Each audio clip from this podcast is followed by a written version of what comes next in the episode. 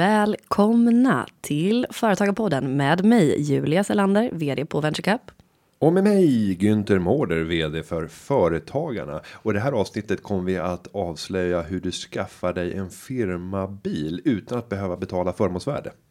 Kan och eh, ska staten finansiera din eh, verksamhet? Vi kommer ta pulsen på Almis kommunikationsdirektör. Därefter så delar vi med oss av knep för att få ner hyran i dina verksamhetslokaler. Någonting med slukkod var det va? Och sen vi ta reda på vad Günther Münter, Munter, vad heter han egentligen, är näst bäst på i hela världen. Varmt välkomna till ett rafflande avsnitt av Företagarpodden. Nu kör vi!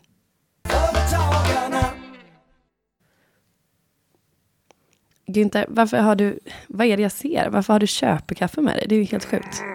Nej, ja, det, ja, ja, ja, ja, ja, ja. Alltså när jag kom in på kontoret här i morse så jag vet inte hur många kommentarer jag fick till följd av att jag går med en sleven eh, mugg. En stor dessutom innehållandes latte, en stor latte. Vad kostar en sån på sleven nu för tiden? Alltså och faktum är att jag har ingen aning. För jag har inte betalat för den här. Nej, är det en Nej. tjuv?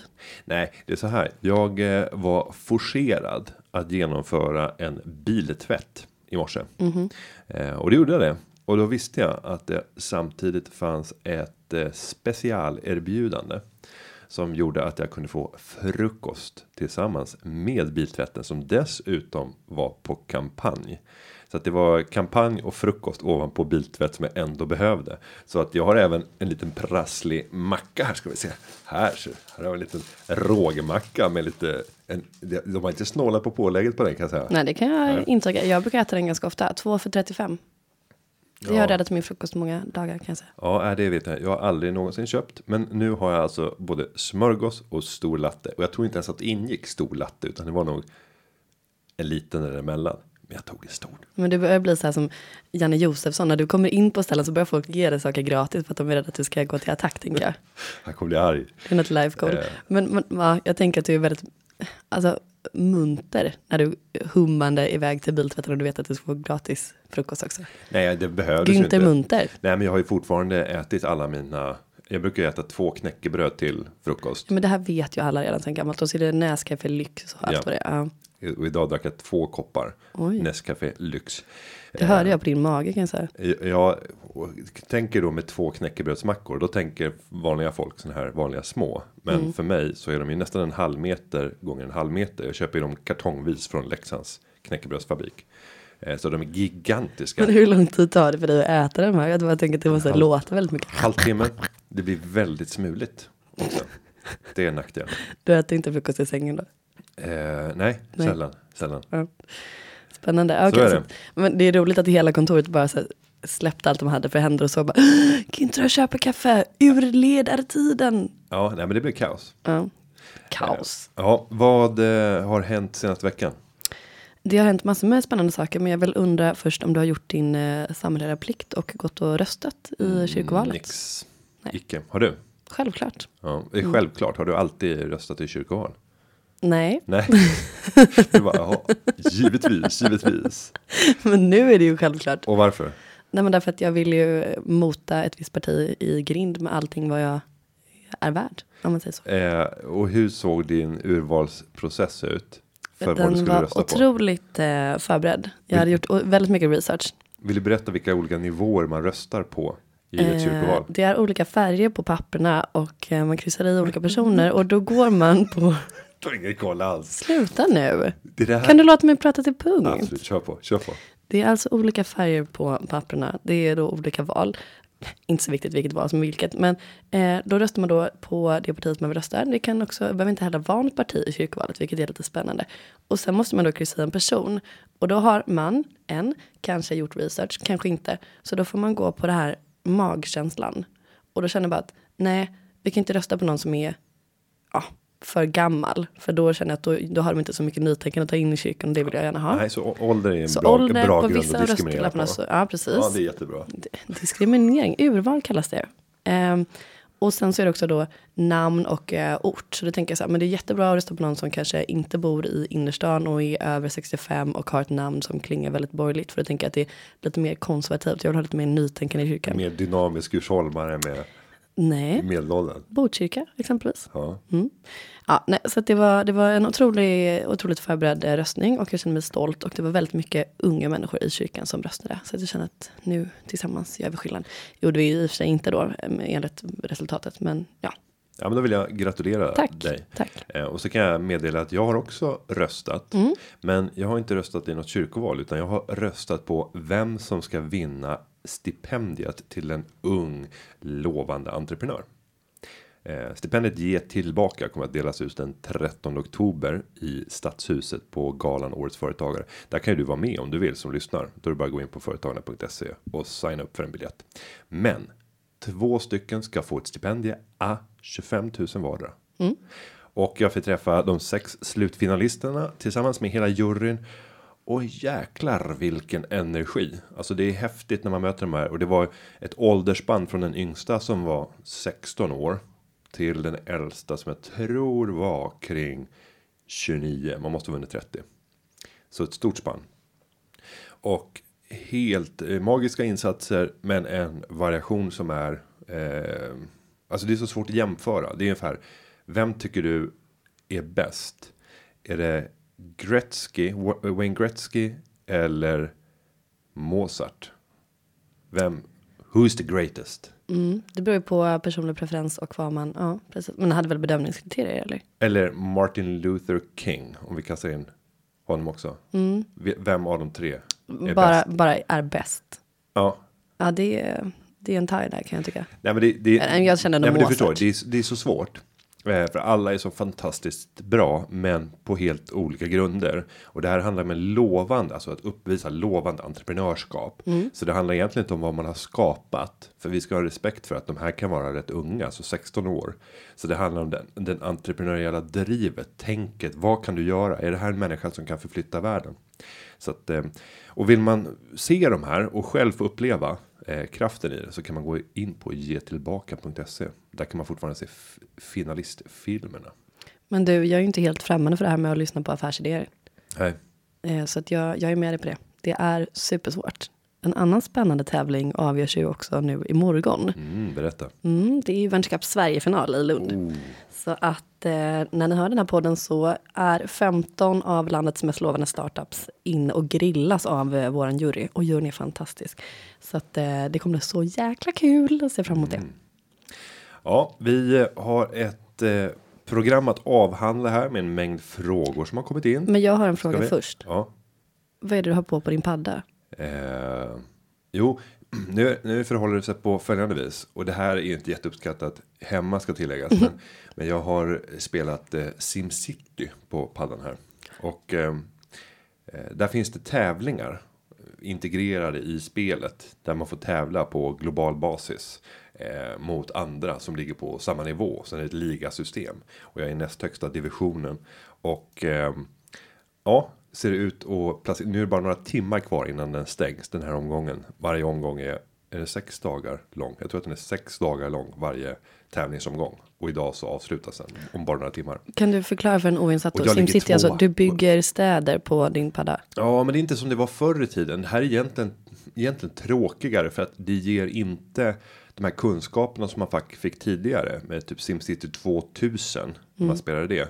Eh, där fick man ändå rätt mycket kring stadsplanering och sen så blev man så indoktrinerad för det är så roligt när amerikanska utvecklare har fått styra eh, så här preferenser och typ när man höjer skatten och den är så här 19% så blir folk bara "Aah!" borgmästaren ska avsättas. Då blir det kaos. Eh, du pratar alltså om den här fiktiva världen? Jo, men i, i, i spel. Ja, Alltså, ja, när nej, men jag, jag är helt med. Det är så Jo, gulligt jo. för du kommer in så här, vad har du gjort Elin? Jag har gameat. Jag bara, "Aha, okej, vad, vad är det för någonting jag har gameat? Då tar du fram Sims. Alltså du är så gullig. Ja, eh, men, men det som är och som jag tycker är positivt för min min son. Vi sitter och spelar här tillsammans och så byter vi grejer med varandra och hjälps åt. Men det är ju att han får en skolning i liksom eh, vad är rätt rent politiskt när det gäller att styra ett land och så indoktrineras han med så amerikanska idéer om hur det ska styras. Eh, För att ju lägre skatten blir, desto gladare blir folk. Och så är det ju i grunden. Men sen måste du ha grundläggande nivån när det gäller liksom samhällsservice. Och få det där att balansera. Sen finns det lite quick fixes och, och sådär.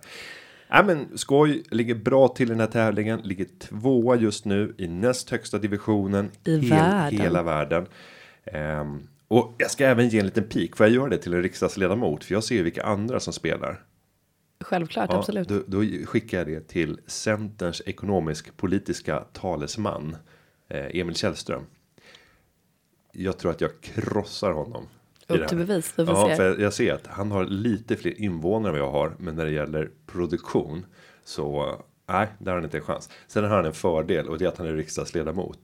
Han sitter väldigt många debatter och har säkert jättetråkigt inne i riksdagen och då kan man sitta och gamea hur mycket som helst. Det här låter som en bortförklaring om du inte vinner. Nej, men jag, jag har ju liksom inte den tiden för jag sitter ju i viktiga möten jag på att säga. Ja, men uppenbarligen har du ju på den nu. Jo, men det var ju för att vi tog tre minuter innan vi satte igång. Så nu håller det på att produceras. Sen kommer vi att eh, när vi stänger av här så kommer det vara färdigproducerat. Och då kan jag gå vidare in till nästa möte. Ding, Mycket ding, spännande. ding. Eh, Jag föreslår att ni så här lyssnare tar upp kampen här. Allting är en tävling och eh, det här nöjda eh, smilet som herr Mårder har här för att han är tvåa i världen, det vill jag aldrig mer se. Så att eh, snälla, Hit him. hej till. Eh, och för övrigt får jag ge ett musiktips då innan vi går in. Nej, Jo, det får jag göra. Eh, jag tycker och jag längtar så. Är det någon som kan berätta för mig när de kommer med nästa platta så säg. vänta, vänta, vänta. Kan jag bara få, jag vill bara, ah, jag måste gissa vad det är för, är det en, ett band, en musikgrupp? Det är ett band. Är det svenskt? Det är svenskt. De är tre stycken. Hmm, te- De har spelat på Melodifestivalen. det har de säkert. Är det, Kikki, Bettan och Lotta. nej. nej men, vad heter de nu då? Okej men säg då. Ehm, Dirty Loops. Då, jag upptäckte dem. Dirty Loops. Jag upptäckte dem för två och ett halvt eh, år sedan ungefär. Då var de relativt nya. Det var en kompis som tipsade om dem. Ehm, och sen så eh, släppte de en platta eh, med sin stora hit. Hit Me. Som är riktigt bra. Sen, eh, och, och det är så här, det är musikalisk porr. När den är som hårdast. Okej, då tar vi och gör så att vi läser Så. veckans första fråga här. Och så kan du lyssna på det. Ja, Mm. Dirty Loops. Jag läser. Varsågod. Tack. Ehm, Den här frågan kommer från Anita i Borlänge. Hon skriver så här. Hej, kan jag som egenföretagare ha tjänstebil utan att förmånsbeskattas? Jag kör en hel del i min enskilda firma, men 18,50 kronor per mil täcker inte kostnaderna. Därför tänker jag köpa en bil i företaget. Min maka och jag äger en bil privat som jag tänker köra med, med privat, men inte i firman. Jag vill inte ha något förmånsvärde för den bil som en enskilda firma ska äga. Tack för en bra podd, Anita. Mm. Och här finns det möjligheter. Eh, flera olika varianter. Nu berättar hon inte vad de har för verksamhet. Men om det är eh, en verksamhet där det kommer att behövas ett yrkesfordon med eh, en sån beskaffenhet att det är svårt att bruka den privat. Jag tänker byggverksamhet. Det är ett byggutrustat fordon där det bara finns en förarkupé. Det finns en luftspalt till flaket där bak. Eh, nej, då är det helt uppenbart att eh, det här är, kan ägas helt och fullt. Eh, men det går även med vanliga bilar. Du kan köpa en bil till ditt företag. Men då får du absolut inte använda den privat annat än i ringa omfattning. Vad är då? Nu ser jag att den här Ringa gråa zonen omfattning. kommer fram i ögonen. Ja, och det är upp till dig att bevisa att den inte har använts mer än i ringa omfattning och Skatteverket definierar det som att du inte har kört, ska vi se siffrorna exakt här, mer än 100 mil och högst 10 gånger på ett år. Så de två, högst 10 gånger per år och högst 100 mil. Eh, Och för att kunna bevisa det så måste du alltså föra en, en körjournal för varje körning du gör så att du kan dokumentera varenda mil som, som bilen har använts. Eh, och vad tänker du då? Jag tänker att det här måste ju gå att lösa digitalt va? Ja, i grunden så är det ju inte så svårt att göra. Alltså om du bara har ett block i eh, bilen. För det behöver inte vara elektroniskt. Utan det kan vara ett, ett handskrivet underlag. När du sätter i bilen, skriv av mätarställningen. Skriv vart du ska åka. Vem du ska träffa eller vad, vad du ska göra där. Och så avslutar du när du stannar bilen genom att skriva mätarställningen igen. Easy peasy. Men det ska ju också göras. Jag bara tänker att det, det kan man väl läsa av automatiskt på Ja. moderna bilar. Och det finns jättemånga smarta appar Mm. som har tagits fram för det här för att just lösa körjournaler och det finns flera bilar också som jag tror är integrerat de här systemen så att de kan samtala med olika typer av applikationer. Och jag har även hört, jag har inte testat själv, jag kan inte säga namnet på dem, men där den även synkar mot kalendern så att den Smart. kan ge förslag på vad är det här för resa. Så att genom att göra så, då kan du helt slippa förmånsbeskattning. Sen kan det ju vara så att du kan inte leva upp till det här för du kommer köra mer än 100 mil eller du kommer använda det mer än 10 gånger. Ja, då finns det ju en möjlighet att få nedsättning av förmånsvärdet och kör man mer än 3000 mil per år med en tjänstebil. Då får man sätta ner förmånsvärdet till 75% av det ursprungliga värdet, så 25% rabatt på förmånsvärdet. Och för att nämna vad ligger ett förmånsvärde på? Och då är det naturligtvis beroende på framförallt vad bilen kostar. Du kan gå in på Skatteverket och titta vad är förmånsvärdet för en, för en viss specifik bil. Sen beror det ju på hur mycket du tar ut i lön. För den som betalar statlig inkomstskatt så blir förmånsvärdet i plånboken räknat lägre än vad det är för någon som inte betalar statlig inkomstskatt. Eh, och tar vi någon som betalar en hög skatt 55% i marginalskatt och köper en miljöbil enkelt utrustad med laddhybrid så kan du komma kring tusenlappen. Kör den här bilen dessutom 3000 ja då kan du sänka ner den 250 kronor så det är 750 kronor i månaden i netto minskning av ersättningen då. Och det, det är billigt. Mm. Sen, sen eh, ska vi flagga för att eh, det har blivit alldeles för billigt. Hur kan det vara för billigt? Jo, det hänger samman med att eh, det har hänt mycket sedan den här modellen utformades. En delkomponent som man beräknar eh, förmånsvärdet på det är statslåneräntan. Statslåneräntan har gått ner i källaren. Dessutom en tjänstebil. Ja, där är det ju firman som ska betala trängselskatt till exempel. Det är firman som ska stå för parkeringsplats för det är firmans bil. Och om man jämför då, om vi tänker in i en storstad i Sverige, om vi tar Stockholm som mest extrema marknad.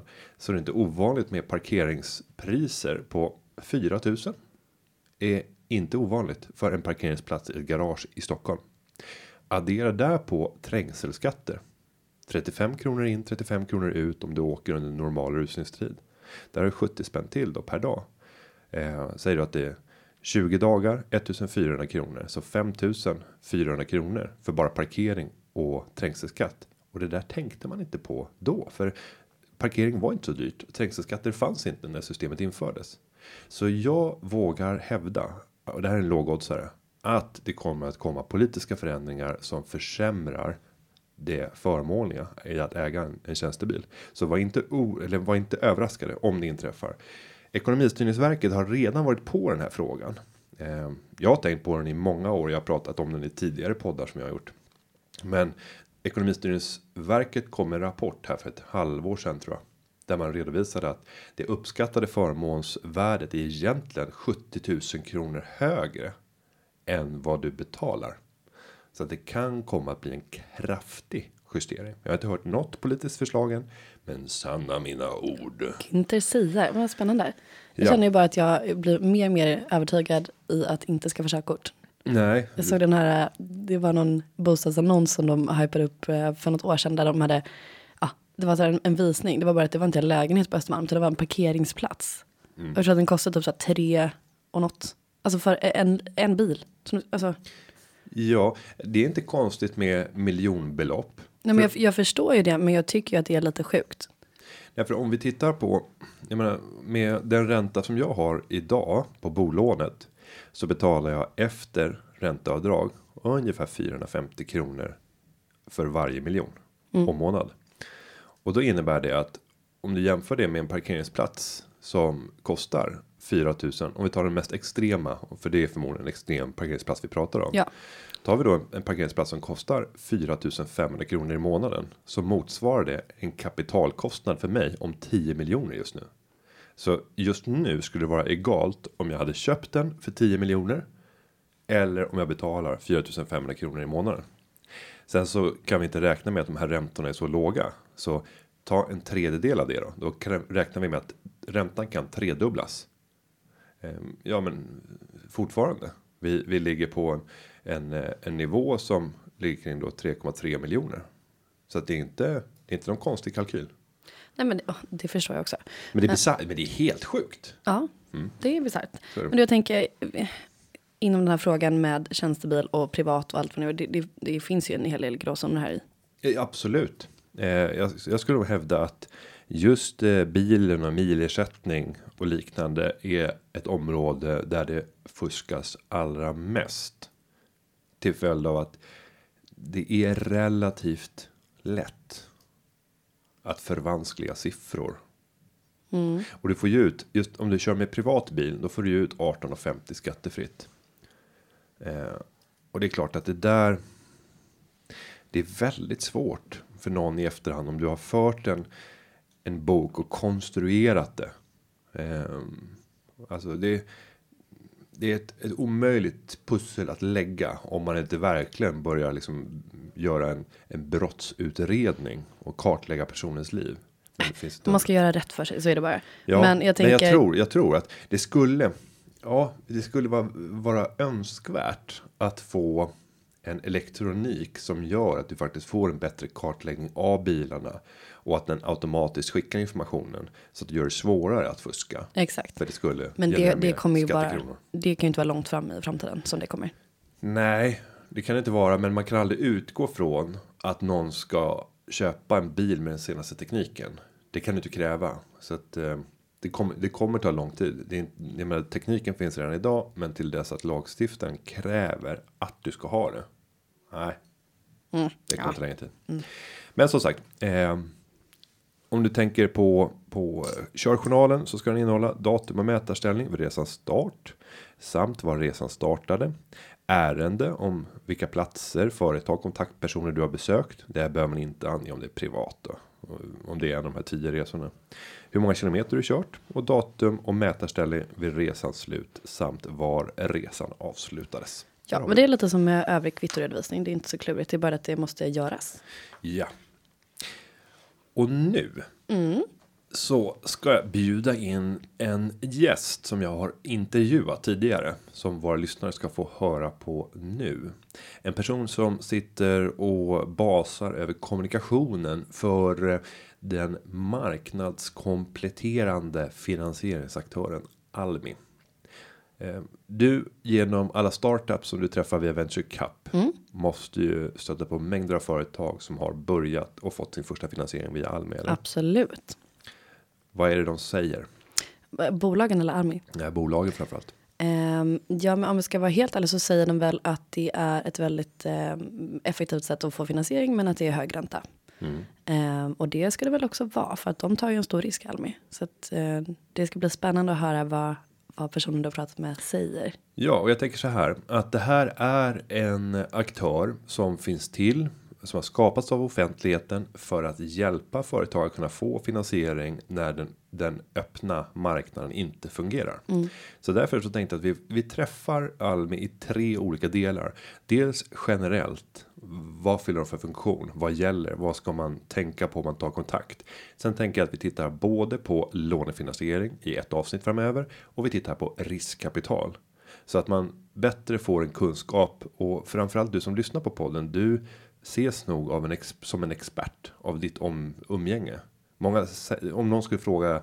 Eh, fråga sig vem i mitt umgänge vet mycket om företagande. Om du sitter och lyssnar på den här podden. Så Då är du jag, den. Ja, men då är du den personen.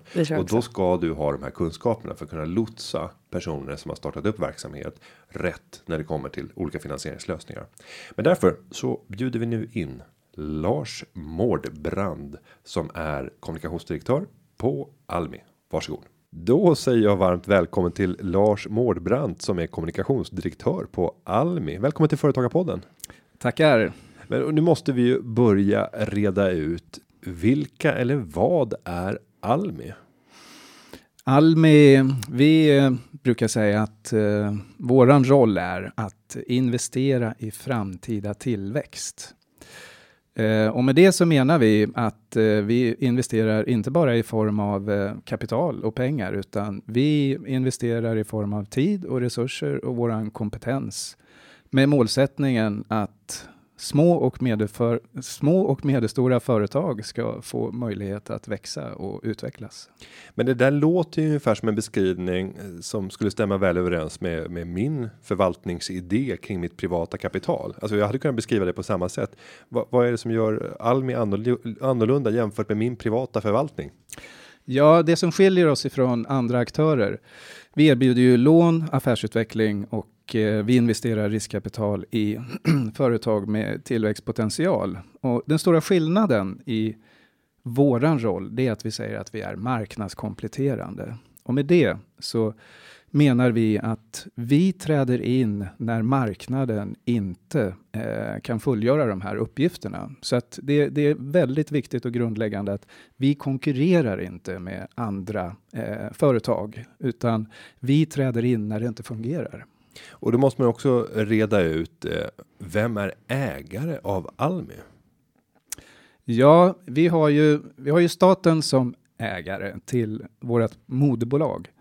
Sen finns ju Almi i hela landet. Vi har 16 dotterbolag och vi har 50 kontor. Eh, så våran regionala närvaro, den är väldigt viktig i våran verksamhet.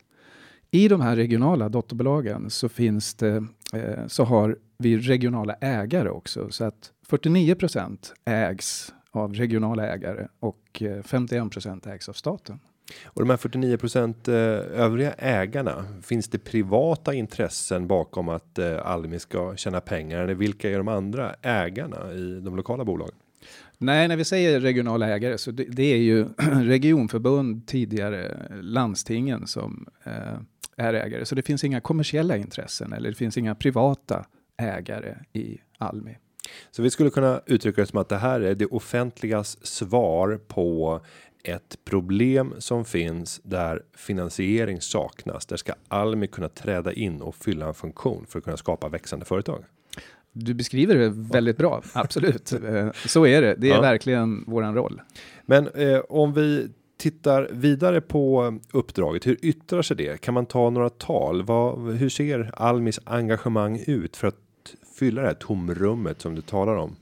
Det är ju en, det är en väldigt omfattande verksamhet som jag sa. Vi finns över hela landet och eh, det är väldigt många företag som vänder sig till oss. Eh, varje år så har vi kontakt med 20 000 nya företag. Eh, av dem så lånar vi ut eh, till vi hade förra året så var det närmare 5 000 företag som fick lån av oss. Så var fjärde får lån? Var fjärde får lån som vänder sig till bra, Ganska bra, för man kan tänka sig att de som kommer det är ju ofta de som kanske inte har fått den fulla finansiering som man behövde via banken eller via Fools, Friends and Family. Ja, nej, det, så här menar vi när vi säger 20 000 företag, så ja, de resterande här 15 000, för, eh, 15 000 företagen, de tar ju del av vår affärsutveckling eller vår mm. rådgivning. Så de här 5 000 företagen, det är lånekunder. Eh, och om man tänker på hur många är det som får lån som vänder sig till oss, så ligger det ungefär på 50-50. Så att eh, det är lite svårt att säga, var går gränsen för när man har sökt ett lån egentligen? Mm. Men om, om, jag går hela vägen och verkligen fullföljer en låneansökan, så är det ungefär hälften av de som får ett lån i slutändan. Och om vi går över till de man normalt sett tänker på när man ska låna pengar, då tänker man ju banken eh, och så tänker man att eh, i banken kan man vara ägare och då vill man att eh, man tjänar så mycket pengar som möjligt i i utlåningen. Hur ser det ut för Almis del? Vad är framgång? Hur mäter man vad som är framgångsrikt för för Almi när ägarna, vilket alla är då offentliga aktörer och staten som huvudman? Vad är framgång? Ja, det är en jättebra fråga, för vi drivs ju inte av ett vinstintresse. Vi ska inte maximera vår egen vinst. Däremot så är det väldigt viktigt för oss att vi eh, håller vår lånefond intakt. Alltså vi ska inte förlora pengar, utan eh, vad vår verksamhet innebär, det är att vi lånar ut våra pengar. Pengarna ska betalas tillbaks för att vi ska kunna låna ut eller också investera i nya företag. Så att målsättningen är eh, att det ska vara intakt. Det är det första. Eh, sen så när vi frågan om framgång då, när, när tycker vi själva att vi är framgångsrika?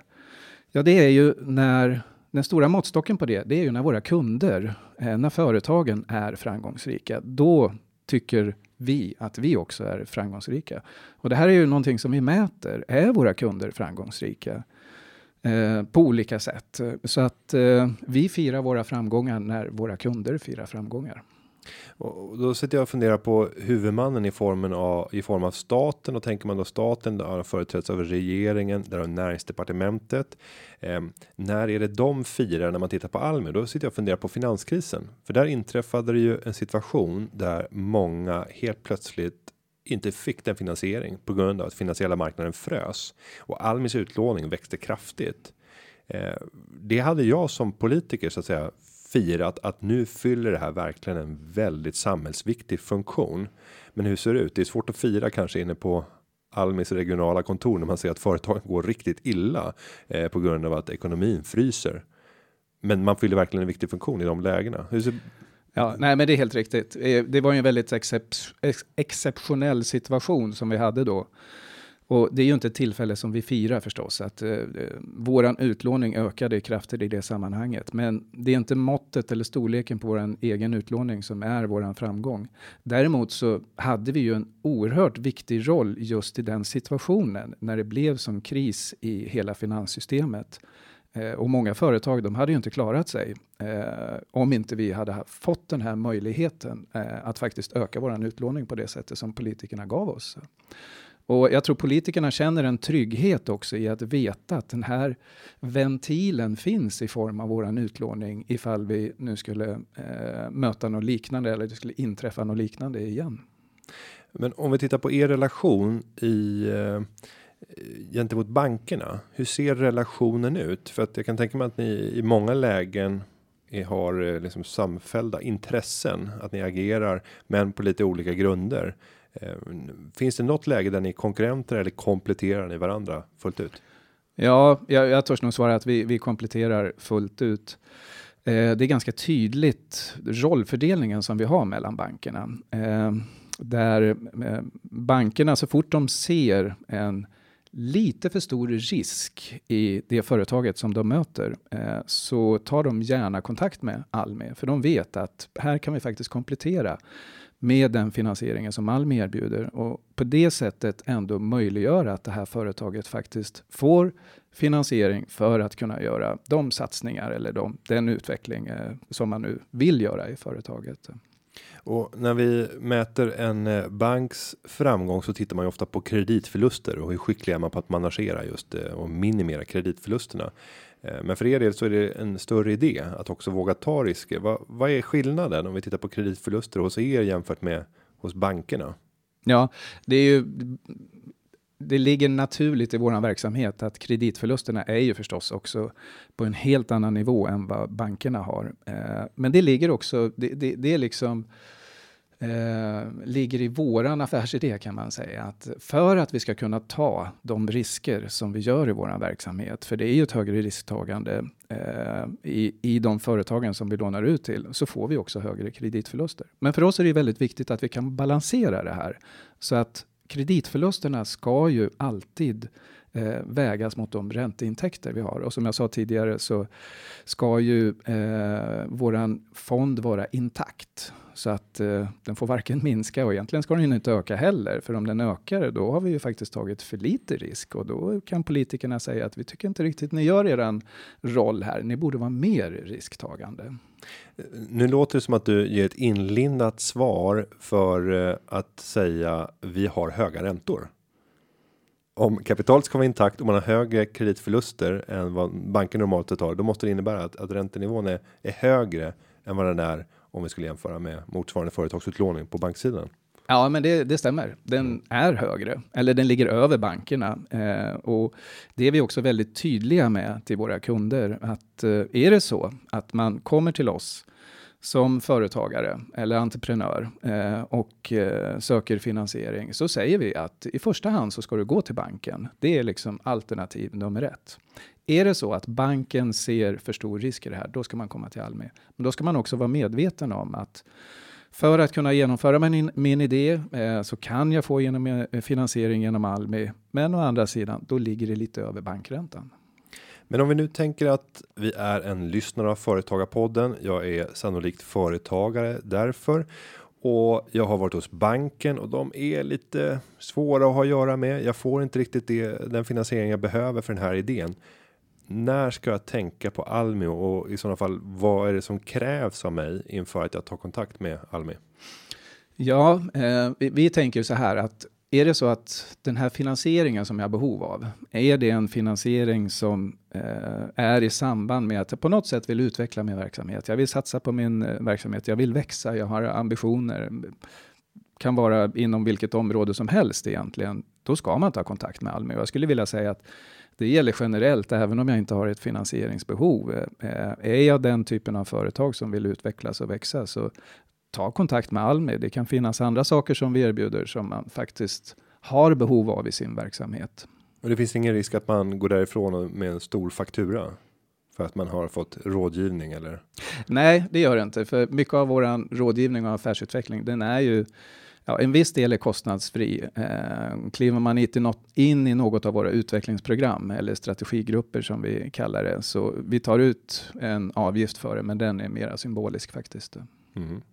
Så att eh, i grunden kan man säga att ta, ha en relation. Det är väl egentligen det enklaste. Ha en relation med ditt lokala kontor med representanter från Almi för att förstå. Jag, jag skulle även säga till alla som lyssnar att också fundera eftersom du lyssnar på företagarpodden så är du sannolikt lite mer intresserad av företagarfrågor och hur man ska kunna växa som företagare och det gör att många kommer säkert se upp till dig som lyssnar på podden så att, att du har de kunskaperna som gör att du kan slussa dem vidare till rätt hamn för olika typer av frågor är, är värdefullt. Så även om du själv inte behöver så kanske en idé att bara gå över och titta. Har jag ett allmänt kontor där jag bor? Kan jag gå över och ta en fika? Kan man göra det? Och bara knyta kontakt? Ja, det tycker jag absolut. Ja. Eh, vi brukar faktiskt eh, göra så att in, när vi möter en företagare för första gången så erbjuder vi att vi gör en liten kortare analys. Det behöver inte vara egentligen att företaget kommer att säga att jag har behov av någonting eller jag har behov av finansiering, eh, utan vi sätter oss ner, vi gör en liten analys och ser är det någonting som vi kan bidra med?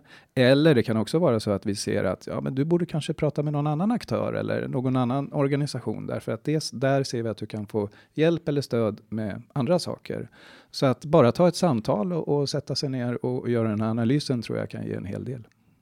Ja, med det avslutande tipset från Lars Mårdbrand som är kommunikationsdirektör på Almi så tycker jag att vi tackar dig för att du kom till Företagarpodden och jag tror även att jag kommer att bjuda in eh, någon av dina kollegor för att få borra djupare in i de två delarna. Dels titta på lånedelen men också titta på riskkapitaldelen för det är lite olika logik i de där och vilka möjligheter som Almi har där.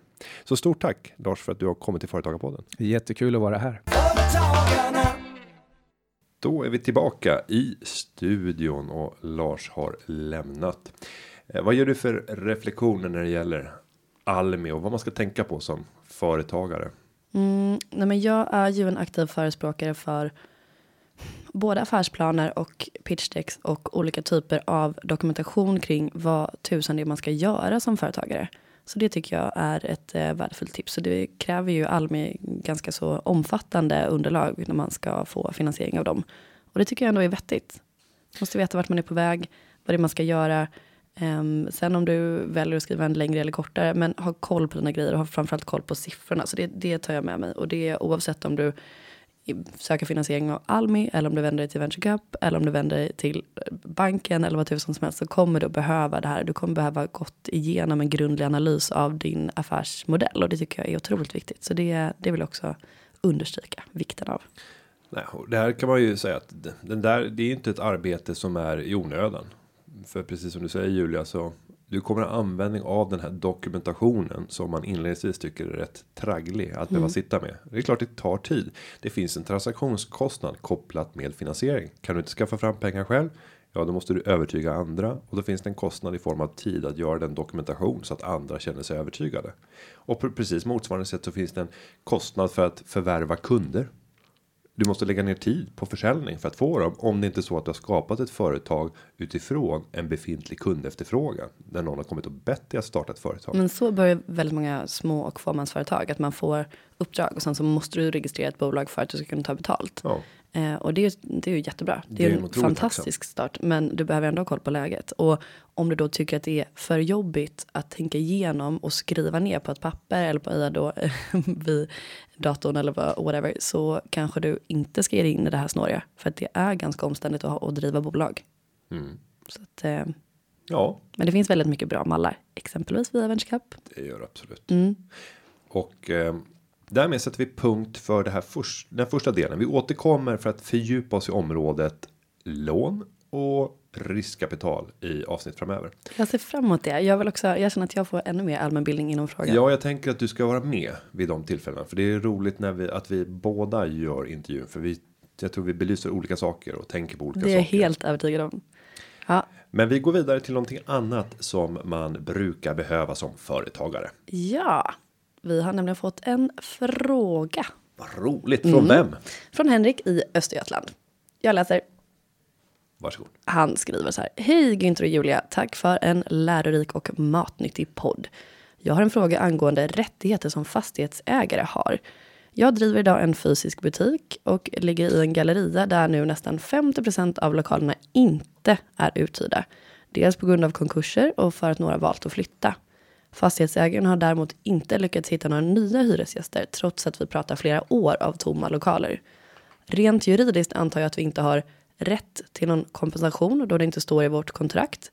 Men jag tycker ändå att vi på något sätt ska bli kompenserade för den dåligt skötta förvaltningen. Om vi kräver en hyressänkning men inte får det, kan vi då vägra betala hyran fortsättningsvis? Vänligen, Henrik. Mm ja, men nu är det ett eh, känsligt område. Mm. Eh, Att inte betala hyran är normalt sett en ganska dålig strategi. Eh, för du eh, utsätter dig för enorma risker. Ja, Eh, och det första man kan säga det är att om du skulle vara mer än två dagar försenad med hyran så finns rätten från eh, den som äger fastigheten att säga upp avtalet. Och där har du en två veckors period på dig att betala in den. Om du inte har gjort det inom den, då kan den omedelbart hävas och de kan avhysa dig omedelbums. det känns ju inte som att det är någonting man vill riskera. Nej, inte någon vinnande strategi för det kan få förödande konsekvenser på på verksamheten. Såklart. Men jag tänker, ta en diskussion Mm, det är väl en första bra idé. istället för att bara sätta sig och vägra betala hyran. Ja, för nu föreställer vi oss att tiden har gått ut för avtalet eller den ska gå ut om ett halvår och det ska omförhandlas dessförinnan. Och då säger du ta en diskussion och vad gör du i det läget då? Nej, men du får väl titta på äh, Günther-strategin här. Okej, du har en, du har ett ehm, bolag som ligger i en galleria, skriver Henrik där 50% av lokalerna inte är uthyrda. Hur tror vi då att eh, fastighetsförvaltaren mår? Är personen stressad eller inte? Vad hamnar du för i situation? Är det ett så kallat guldläge att försöka förhandla till sig bättre priser kanske? Vad hade du gjort? Eh, nej, men jag hade gjort en helhetsanalys av fastighetsägaren och undersökt om den här fastighetsägaren sitter med mängder av andra fina objekt som tjänar där de tjänar otroligt fina pengar och sen så har du det här objektet ett eh, centrum en galleria där det blöder.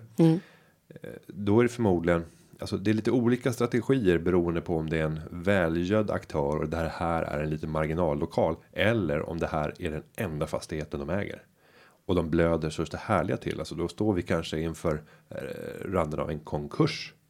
Om ingenting löses. Då har vi ju chans till ett väldigt bra pris. Men å andra sidan då vill man ju ställa sig frågan. Ska bolaget vara kvar i den här gallerian? Om det inte är så att det är något flöde överhuvudtaget av kunder där. Där tycker jag att du pekar på den mest intressanta frågan. Alltså även om de skulle få en hyresnedsättning.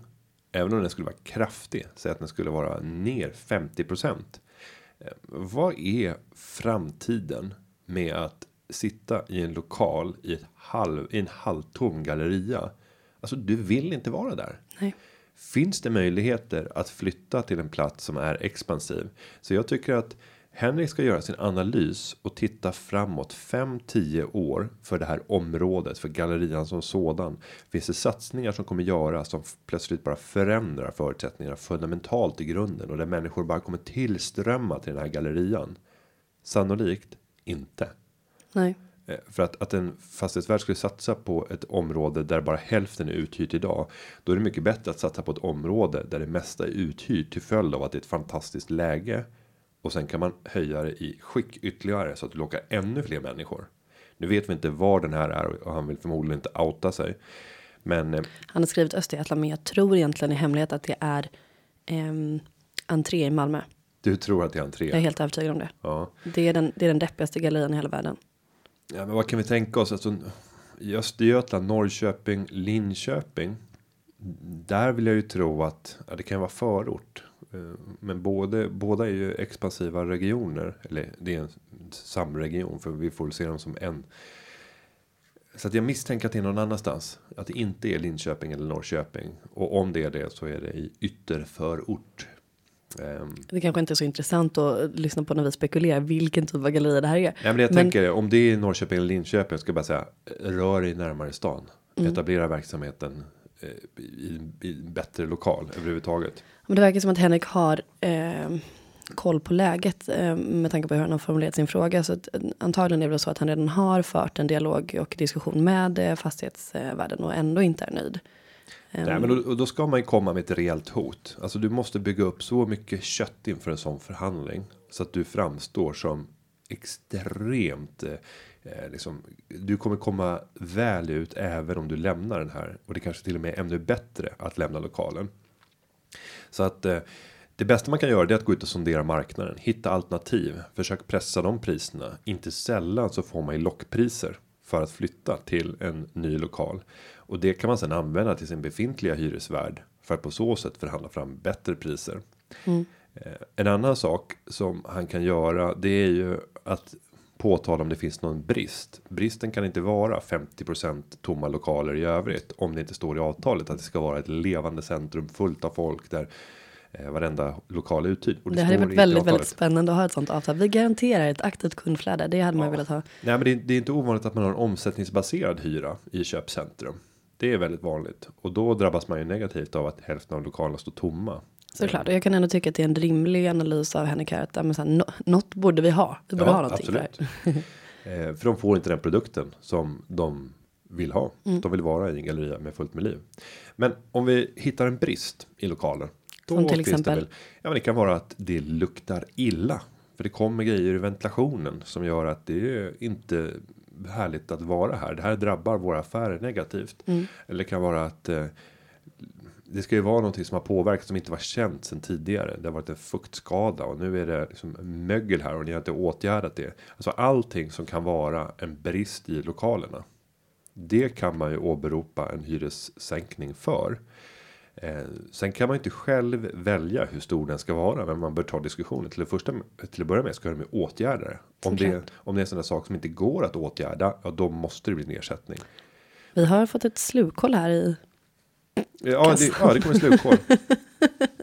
eh, och, och då är mitt råd att ta kontakt med en jurist som hjälper dig att eh, driva det här ärendet. För det finns en möjlighet att du definierar hur mycket skada den här bristen i lokalerna innebär för dig och sen så att du eh, betalar den hyr, delen av hyran som du anser att du är skyldig att betala och sen deponerar du resterande del hos länsstyrelsen. Och sen meddelar du hyresvärden att eh, varsågod och stäm mig om du tycker att jag inte har torrt på fötterna i det här ärendet. Och då är det krig. Ja, då är det verkligen krig. Men det är fullt möjligt, men då ska du ha ett juridiskt ombud som hjälper dig tycker jag. Man ska inte, för det kan bli kostsamt om det visar sig att du har fel. Men någon, någon liten spänning ska man väl ha i vardagen. Det är Ja, kul att för krig mot någon. Ja, han kan inte ha så mycket kunder eftersom det är halvtomt i gallerian. Så Nej, någonstans måste han lägga tiden. Ja, men finns det inte något litet härligt formulär eller något tips om man inte orkar lyssna på när vi har vridit och vänt på det här på företagarnas hemsida? Jo, det gör det. Vi har tagit fram eh, både mallar och blanketter kring fastigheter. Eh, så att eh, du kan enkelt bara googla företagarna. Och sen kan du googla alla möjliga kombinationer med eh, hyresavtal, hyresnedsättning. Och sen så har vi mallar och guider för det mesta. För lokalhyra och så kan man ju bara ringa till rådgivningen. Det är väldigt vanligt att medlemmar ringer in med frågor kopplade till sina hyresavtal. Mm. Men jag tänker, Henrik, du verkar vara en driven person. Lycka till. Det är klart du inte ska ta skit. det ska gå bra för din business. Så är det. Ingen ska ta skit. Ingen ska ta skit, inte ens fastighetsförvaltaren. Eh, Vad säger du går? Nej, nej, precis. Det är också Mm. en företagare.